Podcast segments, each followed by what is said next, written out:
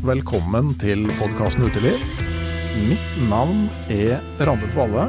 Dagens episode tar jeg opp i Mo i Rana. I ei stue som bærer preg av eh, å være et åsted for forberedelser til tur av en viss eh, varighet. Mo i Rana er vel omtrent midt i landet, og dagens gjest er midt i et eventyrår Norge på langs. Velkommen til eh, Merete Hansen. Tusen takk for det. Mm. Det er din far som eh, velvilligst har stilt stua til eh, rådighet. Ja. Det er ikke sikkert han helt vet om det akkurat nå. Han er holdt til på hytta på fjellet. Men Ja. ja, har et rom oppå loftet her hvor jeg har tingene, men jeg må benytte stua til litt forberedelser òg. Ja. ja, for du starta på Lindesnes 10. juni i år, Stemmer. og tanken er å være på Nordkapp eksakt 10. juni neste år, eller? Ja, eller noen dager senere, kanskje. Ja. Mm. Men eh, relativt god tid da, til å eh, tilbakelegge distansen. Ja, det vil jeg si. Mm. Og Uh, vi skal jo høre mer om hva du har tilbrakt tida med nå nylig, men jeg går ut fra at du har ikke noen problemer med å svare på det faste åpningsspørsmålet om du har hatt en fin tur eller naturopplevelse i det siste. Mm. Ja, det har jeg. Jeg har en håndfull å plukke av. Ja. Eh, Hvis jeg skal ta en sånn ganske nylig, så eh, ble jeg litt overraska av eh, nordlys her i går, Mhm. faktisk. Eh, for nå er jeg jo nede i byen og, og eh, bor som regel i blokka der mamma, mamma bor, da. Mm Eh, og har ikke utsikt derifra. Så når jeg skulle gå tur med hund i går, så ble jeg litt overraska av veldig fint, fint nordlys her, da Mm som på en måte er en av de naturopplevelsene som jeg setter størst pris på. Eh, og så hadde jeg òg en veldig fin eh, nyttårstur på nyttårsaften på morgenen med hund. Eh, og bare cruise på ski bakom ei lykkelig huskyrumpe. Det, det ja, toppers opplevelse på vinterstid. Høres ikke så ille ut, nei. Jeg husker jo fra da jeg hadde hunder sjøl, at det at du måtte ut til dem en tur om kvelden ofte, det var det, Når man da bodde i Hammerfest, det var mye nordlys jeg fikk sett pga. de hundene som jeg ikke hadde lagt merke til hvis jeg ikke hadde hatt. Mm. Eh, Sånn, det å ha noe som tvinger deg ut, da. Men jeg tenker jo at de færreste For de færreste så starter jo friluftslivsinteressen med starten fra Lindesnes. Det ligger jo noe før det, tenker jeg. Altså, hvor kommer den her interessen fra for din del? Den kommer nok fra ganske tidlig alder. Eh, hvor jeg har vært med Eller det tidligste jeg kan huske, da, er at jeg, jeg har vært med han pappa på fisketurer og, i fjellene i Ombukta, som er her jeg har vokst opp i Mo i Rana. Og de fjellene jeg, som er, står meg nærmest, da. Eh, så det starta vel der, og så glapp friluftslivet litt i ungdomsårene, hvor det kanskje var litt mer ja, mer interessant å være i byen med venner og gjøre andre ting enn å være med foreldrene på, på hytta og på fjellet. Eh, så kom det veldig, friluftslivet veldig sterkt tilbake igjen. Eh, for jeg flytta til Bergen når jeg var 17, og gikk eh, videregående der. Oi, hva slags Eh. videregående da? Jeg gikk på Sten eh, naturbruk og starta på ei linje som heter dyrefag, eh, faktisk. Som var totalt feil, eh, og fikk lov til å bytte til Sten friluftsliv etter et halvt år. Eh, friluftslivlinja friluftslivlinje som jeg ikke visste var på den skolen før jeg flytta dit. Så eh, fikk jeg lov til å bytte dit, og eh, da fikk jeg på en måte øynene veldig opp igjen for, for friluftslivet, da. Det er jo spenstig å flytte fra Nordland til Bergen når du er 17 for å begynne på skole. Ja, det var jo for så vidt ett år eh, for seint for min del. Da jeg, begynte på videregående her når jeg var 16, eh, og gikk eh, studiespesialisering for det, og hadde egentlig veldig lyst til å flytte til Bergen det året eh, når jeg var 16, men eh, det, det satte mamma en litt stopper for, for det var litt for tidlig. Eh, men så eh, trivdes Jeg trives ikke så veldig godt med i skolemiljøet, altså det at man læring og mye teori. Så da fikk jeg lov til å flytte til Bergen, da, et år senere. og begynte på nytt på videregående der, da, med litt mer praktiske oppgaver. Ja. ja hva, hva, er måte eh, Hva er på en måte veien videre sånn mot et yrkesliv etter en sånn uh, videregående? Um, akkurat uh, de årene jeg gikk, så det kalles jo på en måte et yrkesfag friluftsliv, uh, men men den er ikke yrkesfaglig, eller var iallfall ikke da i den form at man kan gå ut i læreplass og ha en jobb i etterkant, da. Eh, så det er jo en generell studiekompetanse, da. Ja, OK. Så du mm. kan studere etterpå, eller? Ja. ja. ja. Så jeg har jo tatt eh, ja, påbygg til generell studiekompetanse. Ja, OK. Men uh, jeg går ut fra at uh, det er jo ganske mye man lærer der, da, som kommer litt sånn handy inn uh, ja, hvis man f.eks. skulle bestemme seg for å gå Norge på langs. Altså, Hvordan er en, ei skoleuke på en sånn utdannelse? Den er jo for så vidt ja, mye mer praktisk enn en ei vanlig skoleuke på, eh, på, en ja, Hvis man kan kalle det en vanlig videregående. Men vi, hadde, vi har jo teori òg i naturbruk. Eh, som, og så gikk det jo veldig mye i, i, turer som på en måte var høydepunktet på, eh, på den skolen, da. Eller de årene. Mm. og så var vi òg mye på på skoler vi hadde tilgang til ei brygge der vi fiska, vi var ute med båt. og Så det var på, på en måte mye mer praktisk i, i hverdagen da, enn å bare sitte inne eh, hele uka og ha teori i norsk og de andre fagene som vi også hadde da, innimellom. Ja. Eh, hvor lenge siden du var ferdig der? Der var jeg ferdig. Jeg var ferdig med påbygg i 2016. Ja. Mm. Og da hadde jeg et lite opphold her på Mo før jeg flytta til Alta og gikk eh, arktisk friluftsliv på folkeskolen der fra 2016 til 2017. Mm. Mm. OK. Ja, det er jo temmelig solid eh, Altså, da har du en ganske solid innføring i ting som enkelte andre har bala rundt og prøver å finne ut av på egen hånd. Ja, jeg har jo det. Så jeg har jo på en måte jeg liker ikke å kalle det en slags utdanning i friluftsliv, men jeg har jo gått eh, ja, et eh, skoleår på folkehøyskolen og har med meg den gode erfaringen fra videregående. Og, ja. Mm. Men den tanken om Norge på langs, da. altså Jeg forstår jo at når man er i et sånn miljø blant folk som velger å prioritere friluftslivet såpass høyt at man eh, tar utdannelse innen det, så ser jeg for meg at det er et miljø hvor det er mye drømmer i lufta. Mm. Absolutt. Eh, jeg tror kanskje alle, alle, som liker å være ute på tur og er interessert i friluftsliv, kan kjenne seg igjen. Og i alle fall kanskje ikke ha de aller største, men å ha drømmer om eh, spesielle turer i, i Norge, f.eks. Eller andre store turer, da. Mm. Eh, men drømmen om Norge på langs kom det, Eller det første minnet jeg har av en tanke om Norge på langs, var da Tonje Blomseth gikk eh, alene.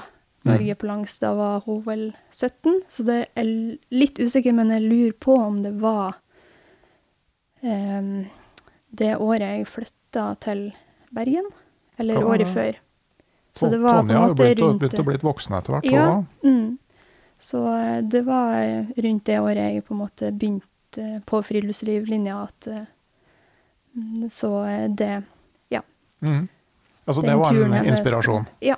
Mm. Absolutt. Mm. Jeg husker ikke så mye fra turen hennes, men jeg husker det som et sånn første minne om at det, det var kult.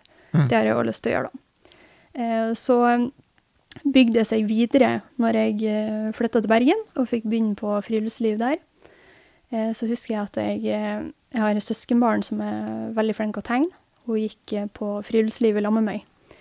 Så hun tegna et sånn A3-ark med norgeskartet på meg, til meg Eh, så satt jeg og, og tegna inn og skrev ned plasser jeg hadde lyst til å besøke, og bestemte meg egentlig da det var vel i Ja, når jeg var 17-18, at uh, det her, det skal jeg gjøre. Jeg skal gå Norge på langs.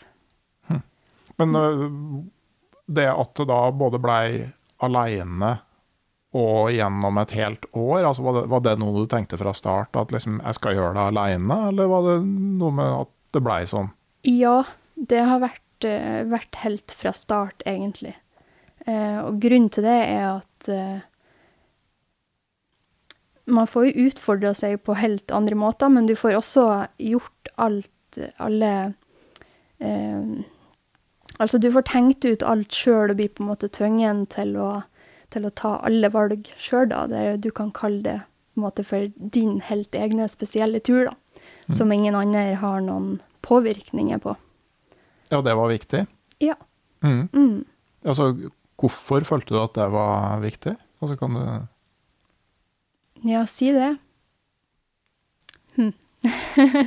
det kan vel kanskje ligge noe fra tidligere i barndommen. Jeg, jeg er veldig sjenert eh, og veldig sånn eh, Ikke redd for å prate, men veldig tilbakeholden hvis jeg har noen meninger.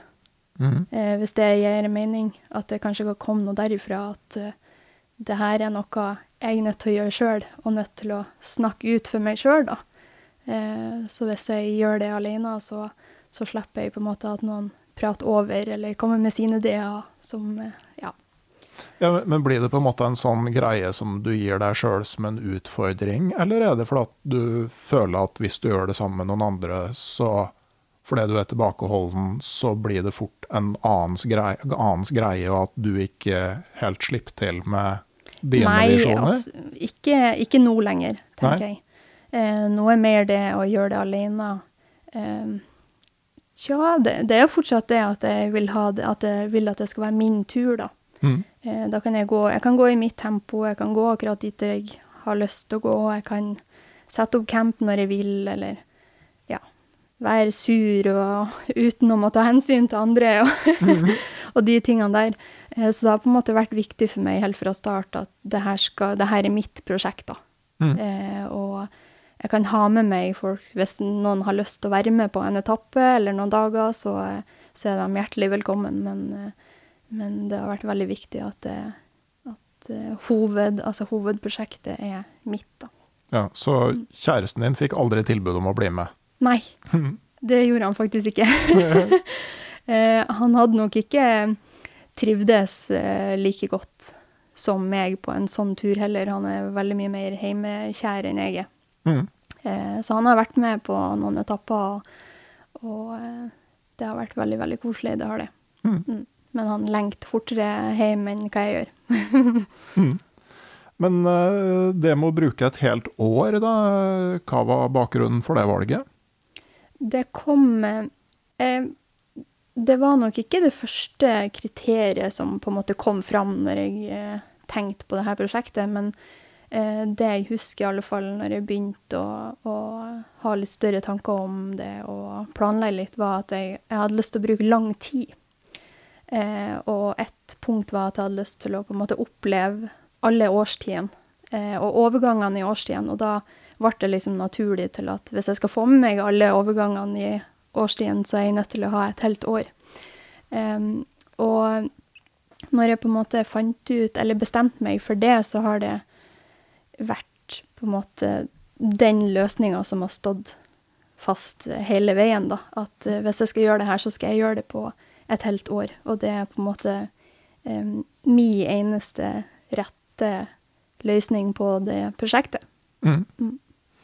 Men, men, det òg, ikke sant uh, uh, Hvordan kommer du da fram til måte, Når du starter på Lindesnes uh, mm. 10.6, er det da et bevisst valg for å treffe riktige områder på riktig tid, eller er det sånn at du bestemmer deg for det først, og så må du begynne å forme prosjektet rundt uh, hva som da er mulig? Eh, litt både òg. Mm. Um, jeg eh, stussa veldig på om jeg skulle starte i Halden, eller om jeg skulle starte fra Lindesnes. Uh, og endte opp med Lindesnes pga. at jeg hadde lyst til å gå innom Hardangervidda på sommerstid. Mm. Eh, og det var enkleste ruta opp til Hardangervidda, Mm. Eh, og så var egentlig planen å starte I starten så planla jeg å starte på 17. mai, og tenkte at det var liksom en fin, eh, en fin dato å feire eh, landet som jeg skal gå gjennom, og mm. starte og slutte på 17. mai. Eh, men så lå vinteren ganske lenge i år. Eh, Så derfor ble prosjektet utsatt eh, litt og litt. Eh, Så endte det til at jeg hadde lyst til å starte i slutten av mai, men fortsatt pga. snø, ja, snømengdene i fjellet, både i Setesdalen og på Hardangervidda, så endte det opp med 10. juni. Mm. Og Setesdalsheiene har jeg inntrykk av at stort sett alle som har gått Norge på langs, innser at var tøffere enn eh, det man hadde trodd. Mm. Um, ja, jeg var vel nesten den Det er ganske mange som har gått Norge på langs i år, vet jeg. Mm. Har hatt kontakt med ganske mange, og de fleste har på en måte snudd på, eh, på Josland, altså inngangen til Setesdalheien, og eh, gått enten Setesdalen oppover, eller eh, og gått til, til Rjukan, istedenfor eh, for opp til Hardangervidda, da. Eh, Ja. På grunn av snømengdene som har vært i år. Eh, jeg starta på Setesdalheimen, eh, men eh, møtte på ganske mye vann i fjellet. Da Mm. var på en måte snøen eh, Det verste av snøen reist, men ganske store vannmengder da, som, som stoppa meg. Mm. Som gjorde at jeg, jeg snudde eh, og eh, gikk ned til Setesdalen og sykla til eh, Haukelifjell Ja. mm, istedenfor. Men uh, Hardangervidda òg, altså på et sånt snøår, altså det er jo tidlig. Mm, Sjøl slutten av juni er vel ganske tidlig. ja. Det var, det var en del snø på Hardangervidda, og jeg fikk jo med meg fiskestang fra mitt første depot på Haukeliseter, og var ganske skeptisk i starten når jeg eh, begynte oppover på vidda, eh, for det var, lå jo fortsatt is på vannene. Mm. Så eh, tanken var jo at hm, kanskje jeg ikke får brukt fiskestanga her, men snøen reiste ganske fort. Jeg starta vel eh, Det var vel 21. juni, om jeg tenker helt rett. Om det var dagen eller dagen etterpå. Eh, men det var i alle fall dagen etter de la ut Sommerbroen. Så det var, det var planlagt. Mm. At eh, når jeg ikke kom meg over uh, Setesdalheiene, så skulle jeg iallfall komme over Hardangervidda. For det var et ganske viktig sånn eh, område på det her prosjektet som jeg hadde lyst til å være innom. Jeg har vært på Hardangervidda på vinteren eh, og kryssa sørover fra Finse til Haukeliseter, men eh, aldri vært der på sommerstid. Mm. På, mm, Og, og du har jo på en måte beskrevet ganske nøye mange av etappene på Instagram. Jeg, min følelse er liksom at det er på Hardangervidda at den turen her virkelig setter seg. mm, At det er der liksom den turroa kommer. absolutt. Mm. Det er sant. Eh, det var nok litt sånn stress og kav i starten med at eh, jeg måtte snu på Setesdalheiene, og det var et lite sånn nederlag, på en måte. Eh, for når jeg bestemmer meg for noe, og eh, så syns jeg det er litt vanskelig å gjøre endringer. Og det å på en måte skulle endre og gå ned fra fjellet når jeg endelig hadde kommet meg eh, bort fra asfalten, det tar jo det et par dager å gå fra Lindesnes til Osland på asfalt, og endelig hadde kommet meg opp i fjellet, så var det ganske nederlag og, og måtte på en måte legge inn årene litt og gå ned i asfalten igjen. Mm. Um, men eh, så det var når jeg kom opp til Hardangervidda, ja, at jeg virkelig var på tur igjen. Mm. Mm. Har du noe sånn måte, øyeblikk hvor, du liksom, hvor det virkelig liksom synker inn hva du er i gang med? Nei, egentlig ikke. Jeg tror jeg har vært eh, ganske forberedt på hele turen. At eh, det øyeblikk det har på en måte aldri kommet. På et vis. Så jeg har aldri hatt noen sånne tanker om at shit, hva er det jeg holder på med, liksom. Det her er lenge. Eh, jeg har jo tenkt at oi, det er lenge, men eh, det jeg har tenkt mest på, er eh, oi, det går fort, Ja. egentlig. Et år er ikke så lenge. Mm. Du merker det kanskje egentlig aller mest, syns jeg, når du kommer tilbake fra en tur som har vart ei stund. Altså hvor lite som har skjedd Mm. i omgivelsene dine. Altså, for min del så er vel et halvår det lengste jeg har vært borte, men altså hvor påfallende lite som har hendt hjemme. Ja. At eh, det er nesten som du bare har gått ut døra og inn igjen. Ja. Mm. ja, det blir jo litt spennende. Jeg har jo vært borte nå litt over et halvt år, så Ja. det blir rart og spennende å komme hjem igjen om et halvt år til. Men sånn, hvor, hvor nøye var ruta planlagt før du starta? Har du lagt den hele veien opp til Nordkapp? Nei, det har jeg ikke. Mm. Eh, eller jeg har lagt ei grovrute eh, hvor jeg har lyst til å gå, og så har jeg eh, Eller jeg har lagt ei kartrute, på en måte, da. Så jeg har på en måte kartene for hele ruta, eller områdene fra Lindesnes til Nordkapp. Eh, og så eh, står jeg egentlig helt fritt. Eh, innimellom, eller fra mellom A til B, Ja. har jeg ruta helt fri. Men eh, er det papirkart du bruker, eller er det elektronisk? I hovedsak eh, papirkart. Jeg er Ja. veldig glad i å kan se visuelt og planlegge visuelt på, på et papirkart, og du får et større snitt, og jeg syns det er mye enklere å, å planlegge og ut fra det. Men jeg har òg med meg en GPS, eh, som jeg har fått brukt litt på eh, de verste tåkedagene. Mm. Ellers så prøver jeg å kun bruke papirkart, ja. Ja. Eh, Men i hvor stor grad altså, har du lagt opp til at eh, liksom, skal du først og fremst bo i telt, eller skal du først og fremst eller sånn, Hvor mye skal man bo inne? Altså, har du lagt noen sånne føringer, eller tar du det bare litt som det kommer? Eh, nå tar jeg det litt som det kommer. Mm. Før jeg starta, så var jeg ganske bestemt på at eh, jeg skal helst bare sove ute i telt eller under åpen himmel. Um, men så Ja, er jo planer til for å endres og bøyes på. Ja, og det er jo litt behagelig å få tørka sko Ja. og klær eh, på den Absolutt. 17. dagen du er Mm. klissvåt. da. Ja. Og eh, været er jo en av de tingene man ikke kan eh, ja, planlegge for. Mm. Eller Så eh, det ble en ganske mye våtere sommer og høst enn jeg hadde beregna for. Mhm. I alle fall i ja, Sør-Norge og Ja, du fikk med deg Hans, blant annet. Ja, det gjorde jeg. Mhm. Mm. Alle dem som hadde større problemer med han, men eh, det merkes jo òg når du er på telttur. Mm. Absolutt. Mm. Eh, når Hans kom, så, så var jeg på vei inn til, til Alvdal. Eh, og hadde jo hørt på nyhetene at eh, nå kommer det ekstrem, eh, ekstremvær og ekstremt nedbør. Og, og da var jeg ganske bestemt på at da legger jeg meg på campinghytta. Ja. Mm. For da hadde jeg hatt en, en sommer med mye nedbør. Så å se den værmeldinga, det ville jeg helst unngå.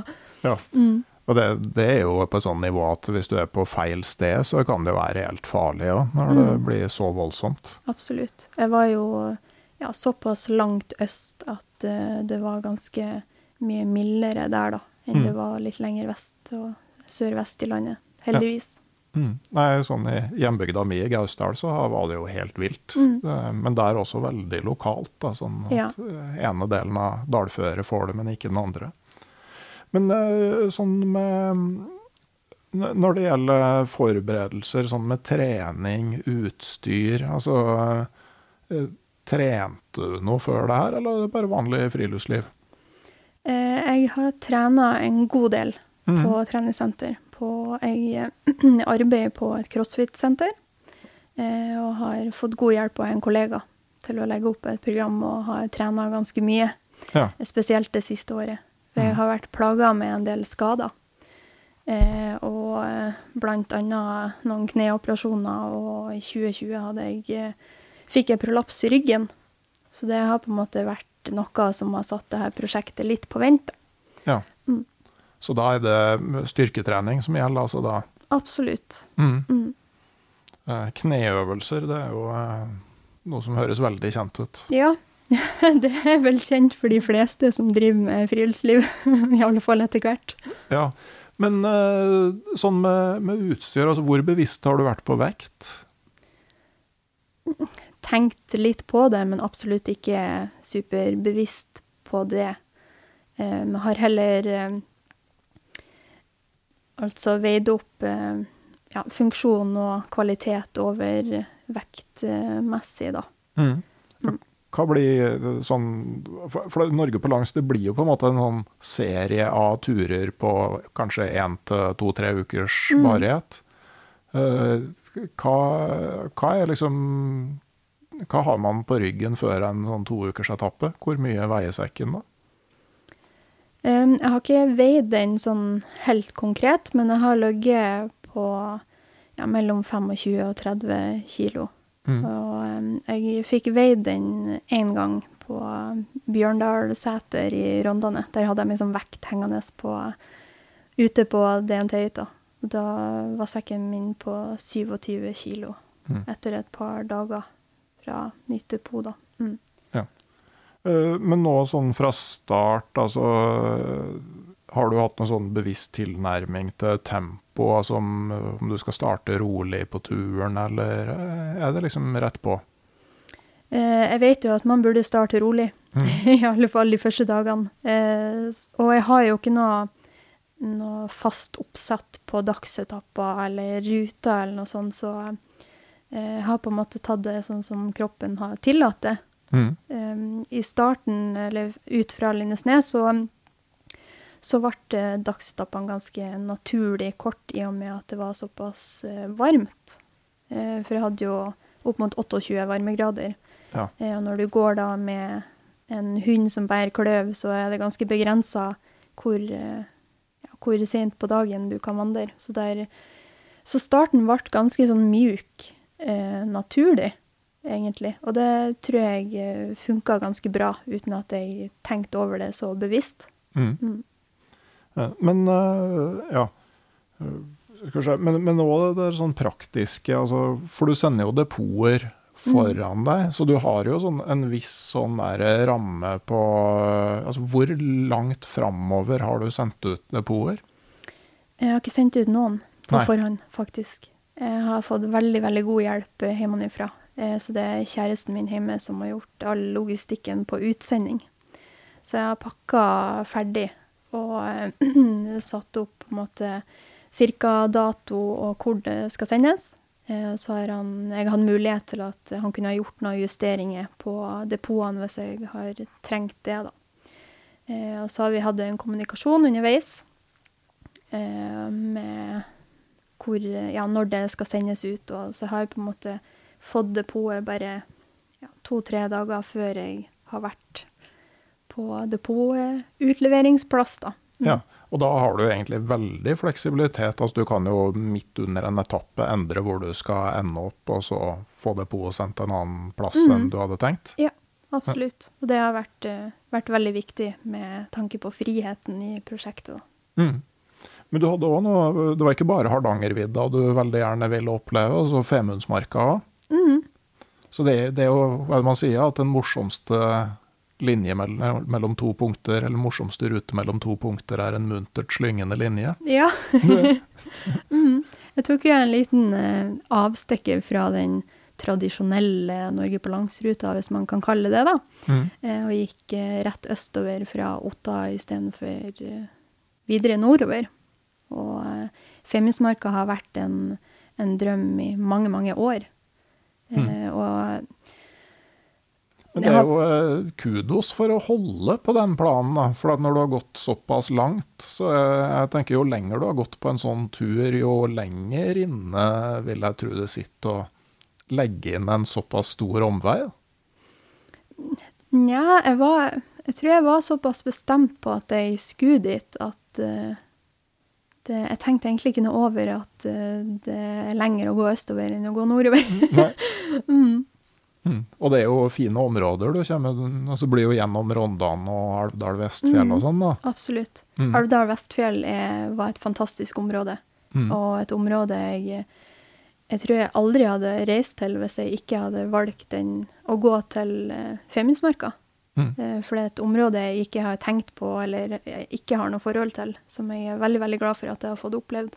Og dit skal jeg absolutt tilbake. Mm. Mm. Ja, altså mm, sånn observasjon som har gjort, at sånne plasser som du Egentlig sånn som det, altså du, du skal bare dit for det du skal gjennom for å komme til Femundsmarka, Mm. og du har kanskje ikke lest opp noe mye på det på forhånd og ikke sett noe særlig bilder. Og sånne områder syns jeg ofte blir veldig store positive overraskelser, for at du har ikke noe på en måte Du tar inn inntrykket du får, og du Mm. måler det ikke mot de der eh, eh, bildene og eh, forventningene du måtte ha på forhånd. Da. Du tar Mm. det akkurat for det det er. Absolutt. Mm. Det stemmer. Mm. Men Femundsmarka svarte det til forventningene? Tja mm. Jeg er litt usikker, faktisk. Ja. Jeg tror at jeg hadde trivdes bedre der på vinterstid.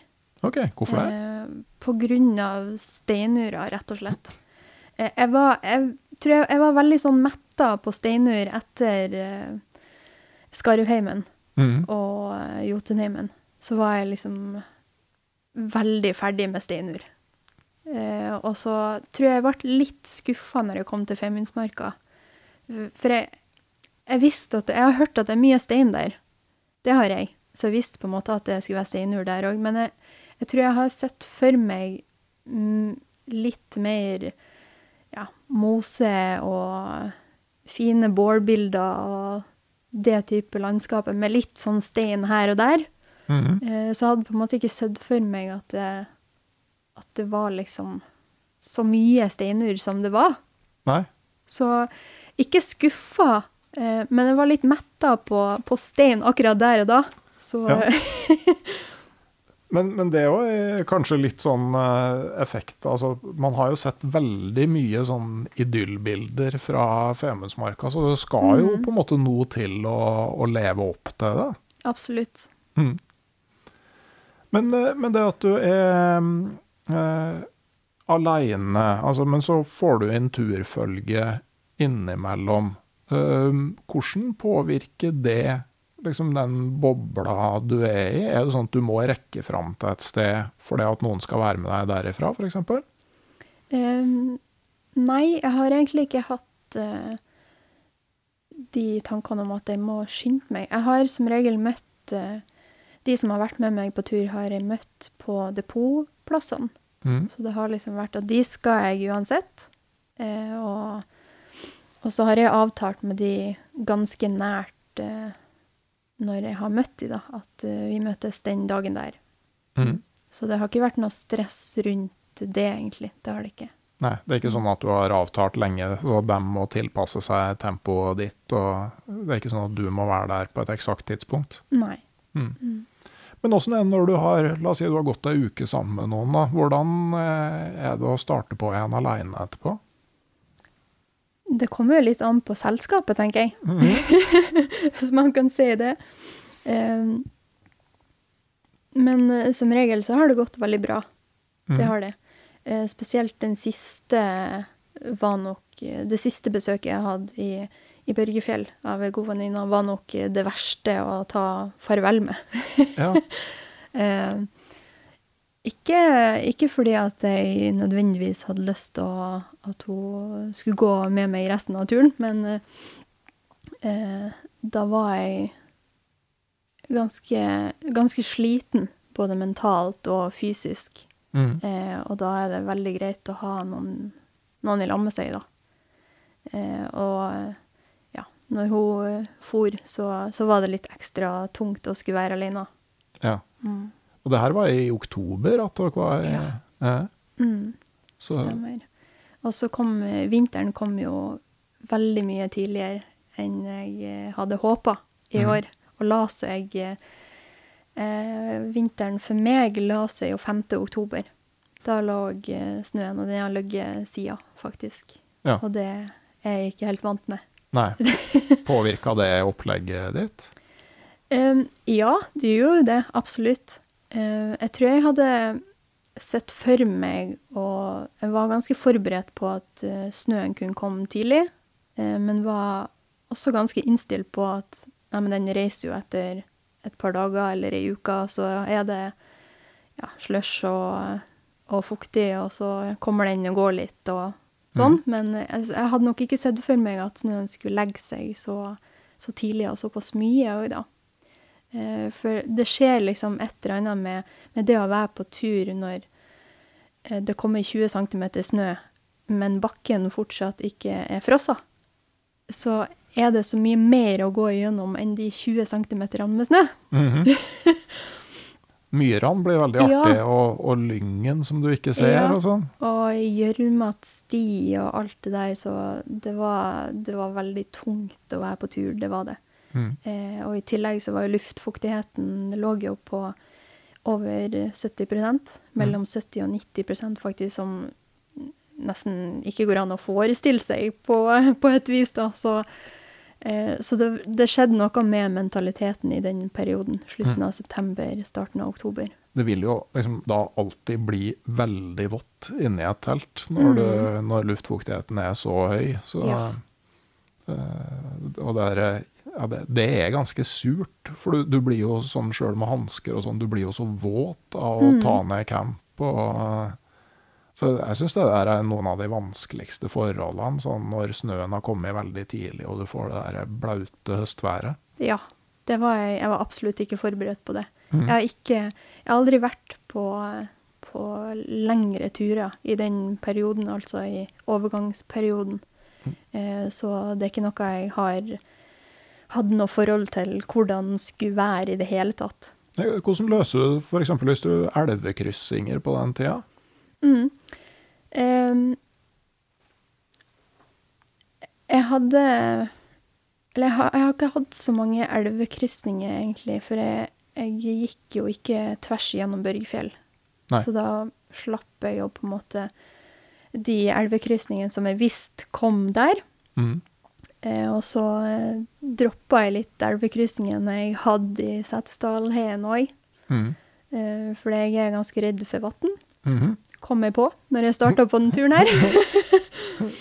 Eh, egentlig veldig ja, glad. Jeg har alltid vært sånn fisk i vann.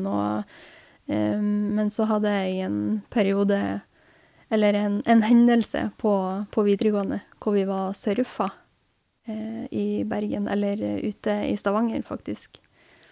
Eh, hvor eh, vi var tatt, vi var to stykker som var tatt av noen sånn understrømmer og på en måte lå eh, og kom på en måte opp for å puste og, og slet litt der, da. Mm. Eh, og så har jeg bare blekka ut. Så jeg husker ikke hvordan jeg kommer på land, men det har jeg greid sjøl. Så jeg har på en måte en, en sånn hendelse som har på en måte satt seg veldig i underbevisstheten, Mm. uh, uten at jeg har tenkt over det. Eh, men så vet jeg, jeg reagerer veldig på brusende vann. Hvis jeg går forbi sånne store elver eller fossefall med, med bråkende vann, eh, så kan jeg få litt sånn angst, på en måte. At det, kroppen stivner litt til. Og det var egentlig det som skjedde når jeg kom til Setesdalheien òg, helt i starten av turen. Eh, at jeg var helt alene. Og i tillegg hadde en hund som hater vann. Eh, at kroppen bare fryste helt. Sjøl om det ikke var liksom de farligste og skumleste elvekrysningene, men det var på en måte den lyden som var det verste. Hm. Eh, og helt fint å kan eh, vade over ei elv til, til knærne eller til livet, men eh, når det i tillegg blir sånn fart på vannet, og du hører på en måte den der lyden som bråker veldig langt av gårde, så det Da sa mitt hode og kroppen og alt sa bare stopp. Det her er livsfarlig. Ok. Men eh, du nevnte jo på at du begynte å bli veldig sliten når du kom opp der. For det er jo kanskje òg en sånn erkjennelse at sånn eh, Det er jo på ett vis en rekkefølge med turer på én til to-tre ukers varighet. Men så blir det jo noe annet når du ikke får den tida til å ta deg inn mellom turene. Altså, hva var det du merka oppi når du begynte å li ut på høsten? Um, jeg var ganske sliten, sliten mentalt eh, når det begynte å bli såpass vått. Spesielt når jeg eh, kom opp til, til Trøndelag, og det var eh, Og starta på myrlandskapet der, da. Mm. Eh, men når det i tillegg var så høy luftfuktighet og alt, ikke bare bakken, men alt er kliss bløtt, og så skjedde et eller annet med, med hodet, så jeg ble ganske sliten sånn mentalt. Eh, og så er det jo ja, det at man ikke får henta seg inn fysisk òg. Mm. Eh, For det er ganske tungt, for jeg har ikke hatt noen problemer med, med gnagsår eller ondter eller noe sånt, det har jeg ikke, men jeg har vært veldig, veldig sliten i fotsålene. Mm. Eh, og veldig stiv i knærne. Så de har på en måte sagt litt ifra at vi er dritsliten. Ja. mm, så jeg har eh, Jeg hadde noen eh, krysninger av Eller ikke krysning, bare hvis du kommer til et område der du på en måte må ned, altså i ei grøft, og opp Mm. på andre sida, så plagde det seg veldig med å gå opp og ned. Ja. For jeg, jeg var så stiv i knærne at jeg greide ikke å jeg greide ikke å bøye knærne, så jeg slet liksom veldig med å Jeg sto liksom litt fast, eh, på et vis. Eh, så kroppen sa veldig ifra at eh, nå var det på tide å, å slekke litt. Ja. Mm. Eh, Men nå når du har såpass mye tid som et år, da, så ligger det jo i kortet at du kan bruke mer tid underveis. Altså Er det Mm. områder hvor du på forhånd har tenkt at der skal jeg bruke mer tid, eller har du liksom tenkt at du kan bare være en dag ekstra der det passer seg? Um, litt både òg. Um, Hardang Hardangervidda var en sånn plass jeg visste der jeg skulle bruke ekstra tid. Jeg kunne jo ha kryssa vidda på fem dager, Mm. men så satte jeg av eh, 14 eh, på sommeren. Eh, og så har jeg egentlig ikke hatt noen flere områder som jeg har visst at der har jeg lyst til å bruke to-tre uker. Um, jeg hadde egentlig veldig lyst til å bruke lang tid i Børgfjell. Mm. Eh, men i og med at snøen kom så tidlig, og det egentlig var ja, nesten skiføre, men når ikke bakken er frosset og det ikke er bunn i snøen, så er det vanskelig å gå på ski òg. Eh, så ble det på en måte hele den Børgefjell-etappen litt satt på vent. Mm. Eh, I og med at det, det var vanskelig å krysse, krysse gjennom nasjonalparken med, med mye snø på over eh, 600-700 meter. Ja. Og mm, Ja, for, for da, mm, siden Børgefjell, så har du egentlig tatt det ganske rolig? Ja, det har jeg. Mm. Mm. Eh, jeg tok eh, Jeg prøvde egentlig å komme meg eh, til Tverrelvnes eh, gård fra Jeg stoppa jo i Fiplingdalen. Eh, og planen var å komme meg eh, dit. Eh, for da er jeg på en måte inne på nordlandsruta igjen, og der var det ei hytte som jeg kunne, eh, kunne ligge noen dager i og slippe å ligge i vått telt. Eh, men så var jeg bare såpass sliten i hodet og i kroppen, og så lå egentlig tanken der at eh, OK, jeg kan fære dit, vente i ja, kanskje ei uke eller to på at snøen ikke fær allikevel, Mhm. eh, og må bli liggende til det er fast skiføre.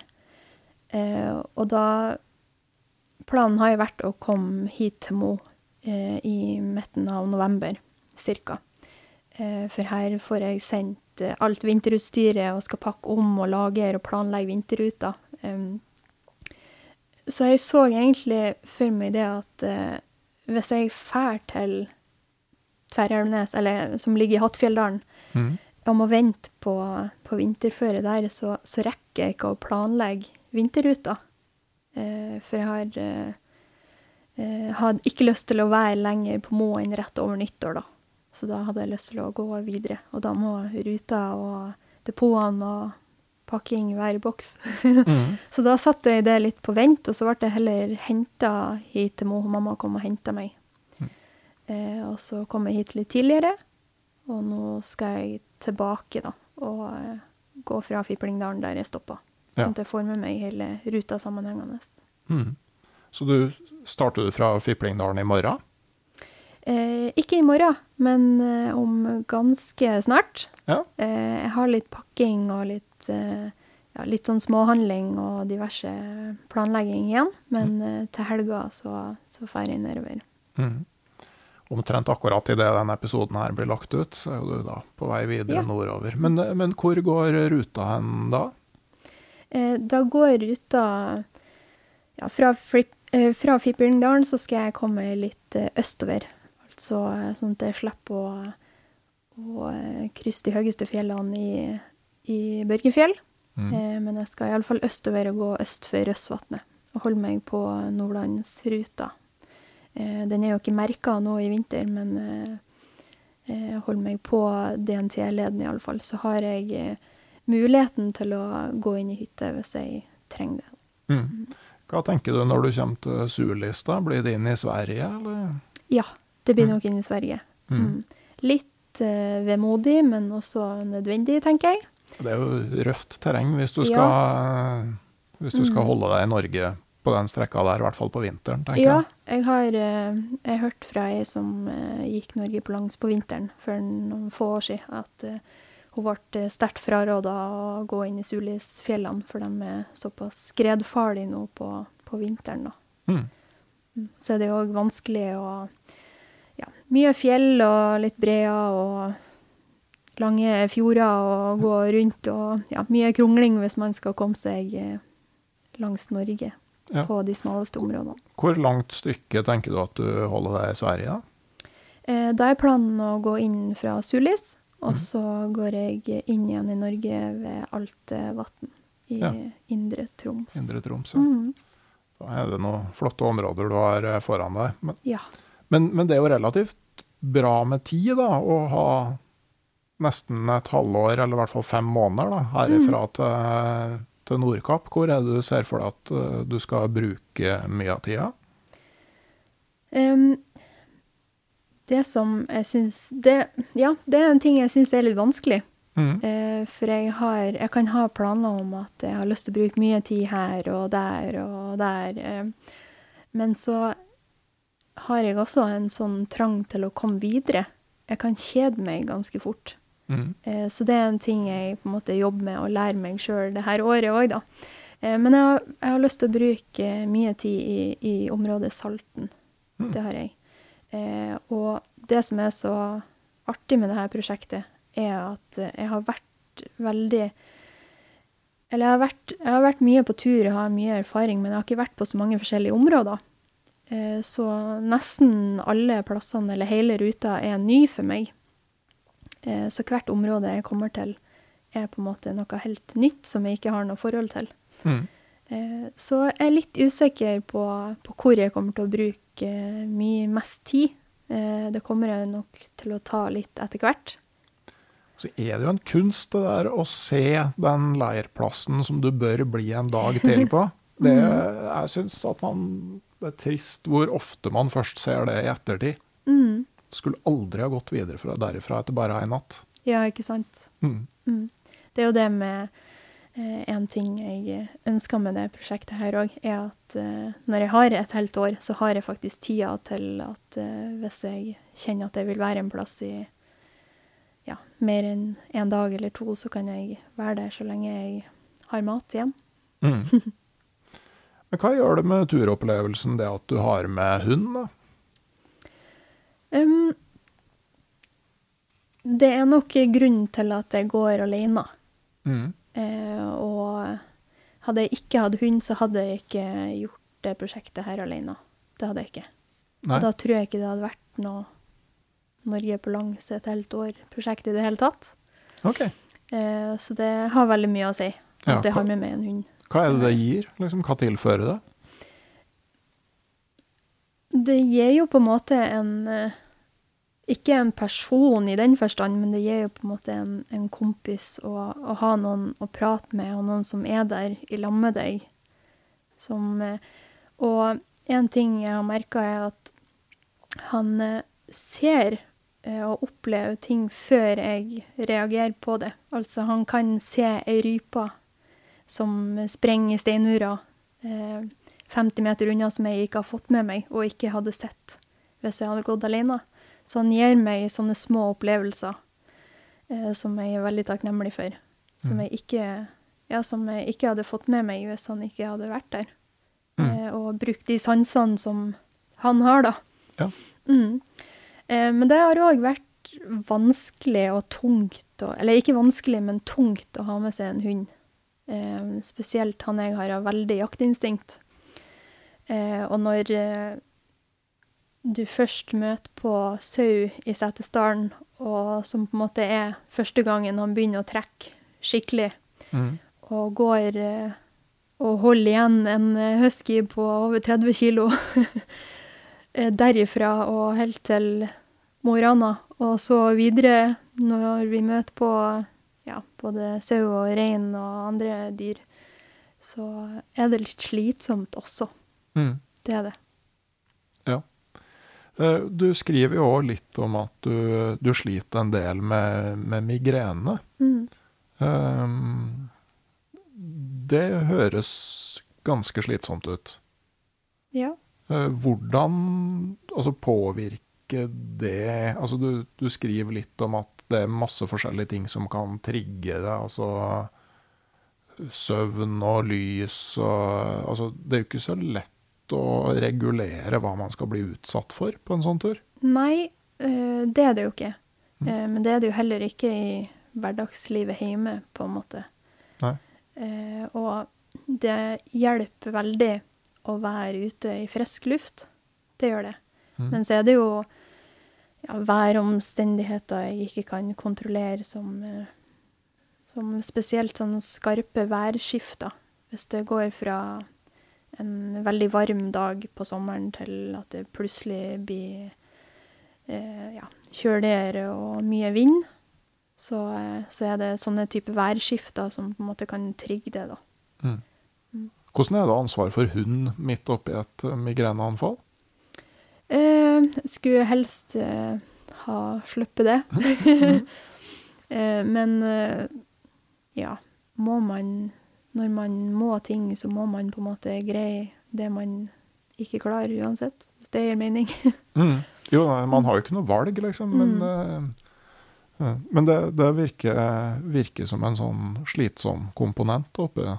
ja, uh, og det var nok en av uh, komponentene som gjorde meg ekstra sliten på slutten, eller før jeg tok en pause i Fiplingdalen, da. Em, for det, det hjelper veldig, og, har, og jeg har færre triggere når jeg er på tur og ute i naturen, enn når jeg er hjemme og på jobb. Og, um, men så tror jeg også det at jeg var såpass sliten og hadde litt vondt i kroppen, har gått lenge med sekk, er litt stiv i nakken, så, eh, så begynte jeg òg å få hyppigere anfall sjøl når jeg var på tur, da. Mm. Så det var nok en av, det var en av de grunnene som også gjorde at jeg ble ekstra mentalt sliten, da. Mm. Jeg sleit med det der i ungdomsårene. Det forsvant. Men da var det sånn typisk at det kom når du hadde vært veldig sliten, og så fikk muligheten til å slappe av. Mm. Altså, det kom ikke midt i stressperioden, men, eh, men det kom liksom med en gang det roa seg, så var det der. Så, men eh, jeg kan i hvert fall skrive under på at spesielt behagelig er det ikke. Nei, det er det absolutt ikke. Ok, men eh, da er altså planen videre mot, mot Nordkapp eh, nå. Men er måte eh, Hvordan ser du for deg altså Er det her måte sånn prosjekt før livet går videre, eller er det her eh, starten på en, på en vei med mer av det tilsvarende? Det er nok eh, starten på en vei med mer friluftsliv, det er det. Eh, men jeg har, ikke, jeg har ikke noen planer videre. Det har jeg ikke. Eh, og det her er nok eh, det største prosjektet jeg kommer til å ha, mm. tror jeg. Eller jeg vet ikke. Nei. Plutselig så dukker det jo opp noe senere. Um, eneste jeg har på en måte plan om Eller jeg prøver å ikke ha så mye andre planer enn det her prosjektet her, for det, det blir litt sånn krasj med uh, hvor jeg er nå. Og, eh, men eh, jeg vet at i og med at jeg går glipp av Rago nasjonalpark eh, fordi at det går eh, inn i Sverige, eh, så skal jeg i alle fall til Rago Mm. ved en senere anledning. Mm. Men jeg kommer ikke til å legge friluftsliv på hylla, nei, etter det prosjektet her. Absolutt ikke. Nei. Sånn helt avslutningsvis, noe mange lurer på, er altså hva er kostnadsrammen på et sånt år som det her? Hva, hvor, hvor mye koster et sånt liv som det her?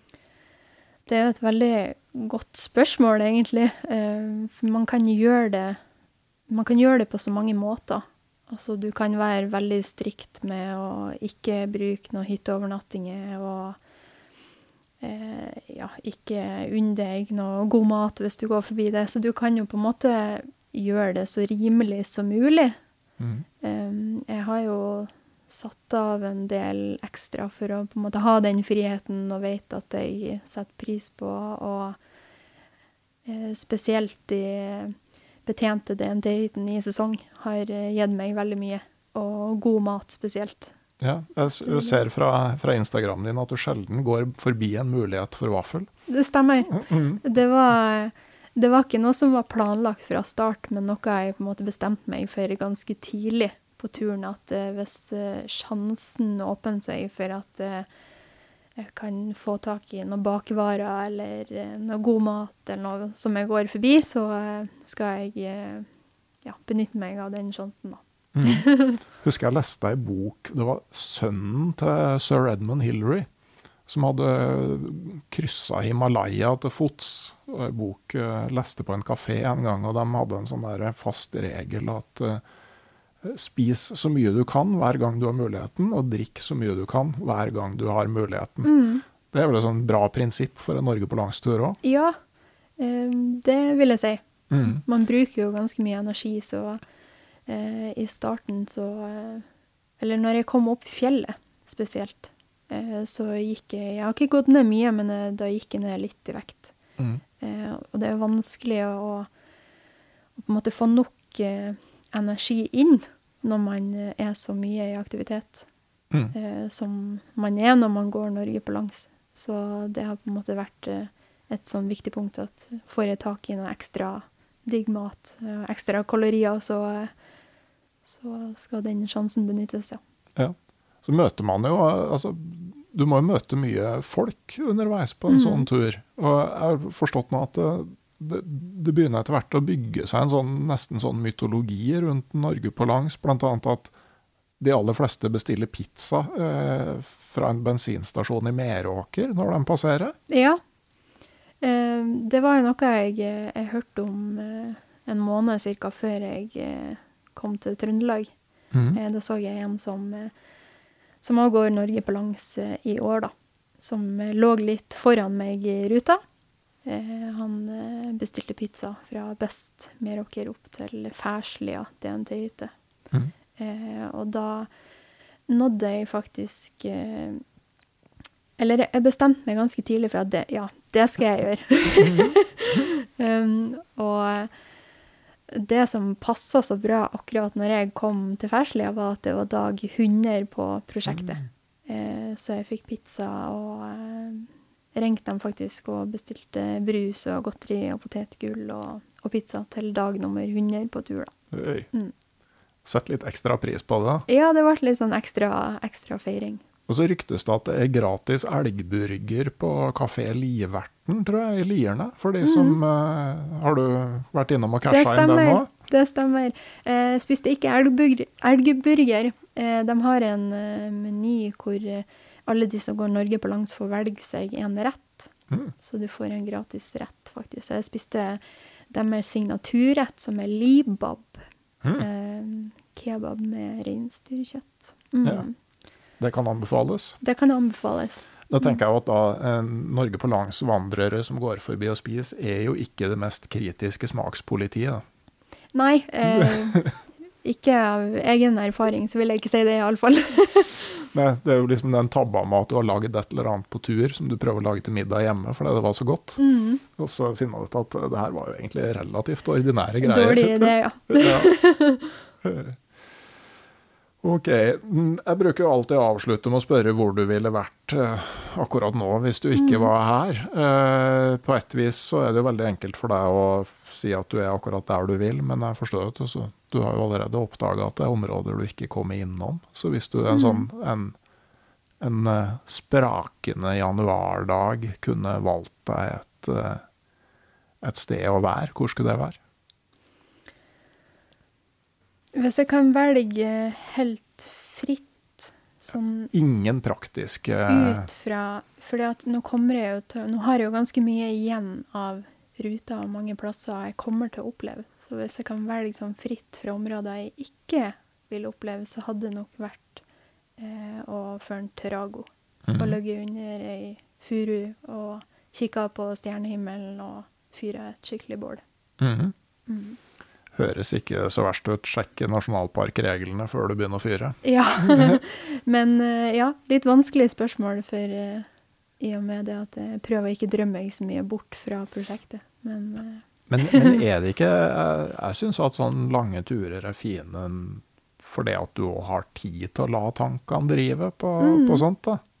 Og noen dager, altså når du når tåka henger lavt og stien er våt og du ikke ser noen ting likevel. altså Jeg føler av og til ikke noe sånn stort behov for å være veldig intens til stede Nei. akkurat i det. nei, kanskje det er ikke alle tidspunkt man, eh, man har det veldig bra eller ønsker å være så til stede, som du sier, da. Nei. Jeg husker min turkompis Bengt Rotmo, han gikk til Sydpolen, så var det sånn På de verste dagene, da det liksom ingenting var noe stas, så prøvde han å bare tenke gjennom hele handlingen i 'Ringenes herre'. Mm. Og det var sånne enkelte dager hvor det ikke gikk, man kom seg aldri ut av hobbsyssel før, eh, liksom, Ja.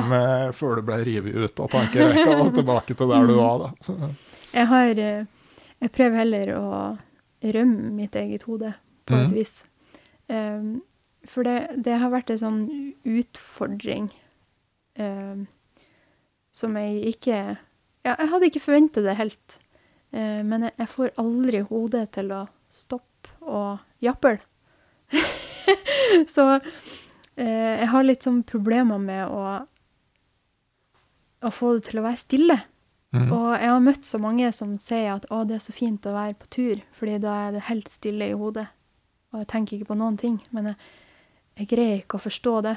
For Nei. i hodet mitt så går det alltid en eller annen sang på repeat, eller et eller annet. Eller en sånn meme på Instagram, reels, eller noe som går på en måte på repeat og på repeat på repeat. Så kan, noen dager kan jeg jeg har lyst til å rive av meg håret. Fordi jeg blir helt eh, gæren. Når du har fått helt feil låt, når du har fått Venga Boys på hjernen. Ja. Eh, Så da er det sånne, ja, sånne små øyeblikk hvis det er klart, klår stjernehimmel på kvelden, eller hvis jeg kan kikke inn i et bål, eller se på nordlyset, eh, eller ei fin utsikt der jeg bare kan sitte og se på, ja, og nyte, da. Da blir det stille. Mm. Men når jeg går, så er det alltid et eller annet tull som bare ja, romsterer oppi hodet og plager meg. Men hvordan er det med, altså det med å dokumentere på sosiale medier? Altså øh, Opplever du at det både er positive og negative sider ved det? Altså er det noe man kan bli for opphengt i, eller er det bare hyggelig? Mm, jeg vil si litt både og. Man må jo på en måte, I og med at jeg har et såpass langt eh, prosjekt, eh, så føler jeg meg ikke så avhengig av å må legge ut noe hele tida. Fordi at eh, jeg har fortsatt et halvt år igjen jeg kan dele på, på en måte, da. Eh, men så har jeg jo jeg har jo noen sponsorer og samarbeidspartnere på, på prosjektet som eh, forventer litt av meg òg. Eh, og jeg kan bli litt sånn opphengt hvis jeg har en visjon på et bilde eller noe, og så får jeg det ikke til akkurat sånn som jeg tenker. Da kan jeg bli litt sånn opphengt i det. Mm. Eh, men ellers så eh, ja, syns jeg det egentlig er litt koselig å, å dele. Ja. Og så er det jo litt sånn fint når man er ute her å ha et eller annet sånn bilde man er på jakt etter. Altså, Mm. Det kan jo være en, det kan jo òg være berikende. Mm. At du blir liksom oppmerksom på det du har rundt deg. altså Ser etter lokasjonen for det der. Mm. Absolutt. Så lenge man ikke altså Det blir jo noe helt annet enn å bare blindt søke etter akkurat det GPS-punktet hvor man vet at alle de andre har vært Ja. og eh, tatt og skal ha eksakt det samme bilde. Mm. Mm. Eh, jeg legger nå ut eh, link til Instagram-sida di i, eh, i eh, episodeinfo, så kan folk eh, følge deg videre der. Du får ha riktig, riktig god tur videre. Tusen takk for det. Eh, og eh, nyte vinteren. Ja, det skal jeg prøve. I alle fall mest nyt. Ja, ja det er jo Ja, og så må det jo bli veldig fint. Altså nå er det, Når vi tar opp her, så er det vel allerede to uker siden det begynte å bli lysere dag for dag. Mm. Og det går jo bare fortere og fortere fram mot vårjevndøgn nå. Ja, det gjør det. Det går overraskende eh, fort. Mm. Ja. Det er vel kanskje òg en sånn siste eh, siste påminnelse til dere som hører på. Det går veldig fort mot vår. Skal du få med deg en vintertur, så er det faktisk på tide å begynne å iverksette. Stemmer det. Mm. Tusen takk for at jeg fikk komme på besøk, Merete Hansen, og lykke til med resten av pakkinga. Jo, takk for det. Eh, jeg skal helt eh, til slutt som vanlig takke min kommersielle samarbeidspartner Barents Outdoor AS. Også en eh, stor takk til alle medlemmene i det digitale turlaget på Patrion. Det har kommet mange nye til i den siste tida. Det setter jeg veldig stor pris på. Det er fortsatt plass til flere, og jeg fortsetter å trekke turutstyr og annen snacks hver fredag fram til episode nummer 200 av podkasten Uteliv. Det er fortsatt billetter igjen til episode 198, som eh, går live på Revir i Oslo. Også link til det i episodeinfo. Vel, da sier jeg takk for meg herifra. Om ei uke kommer det en ny episode av podkasten Uteliv. Og inntil da så sier jeg rett og slett ha det bra.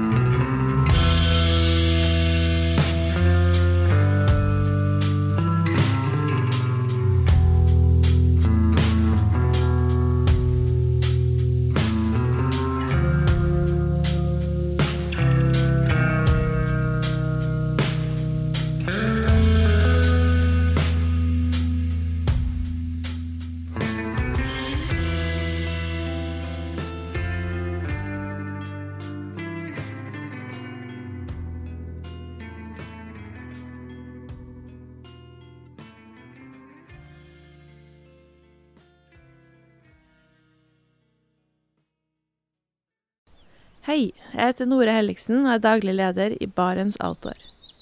Det beste vi kan gjøre for planeten, er å redusere forbruket vårt og få mer ut av det utstyret vi allerede har. Men vi vet av erfaring at bruken av telt kan endre seg over tid. Det teltet du kjøpte for to år siden, passer kanskje ikke det behovet du har i dag.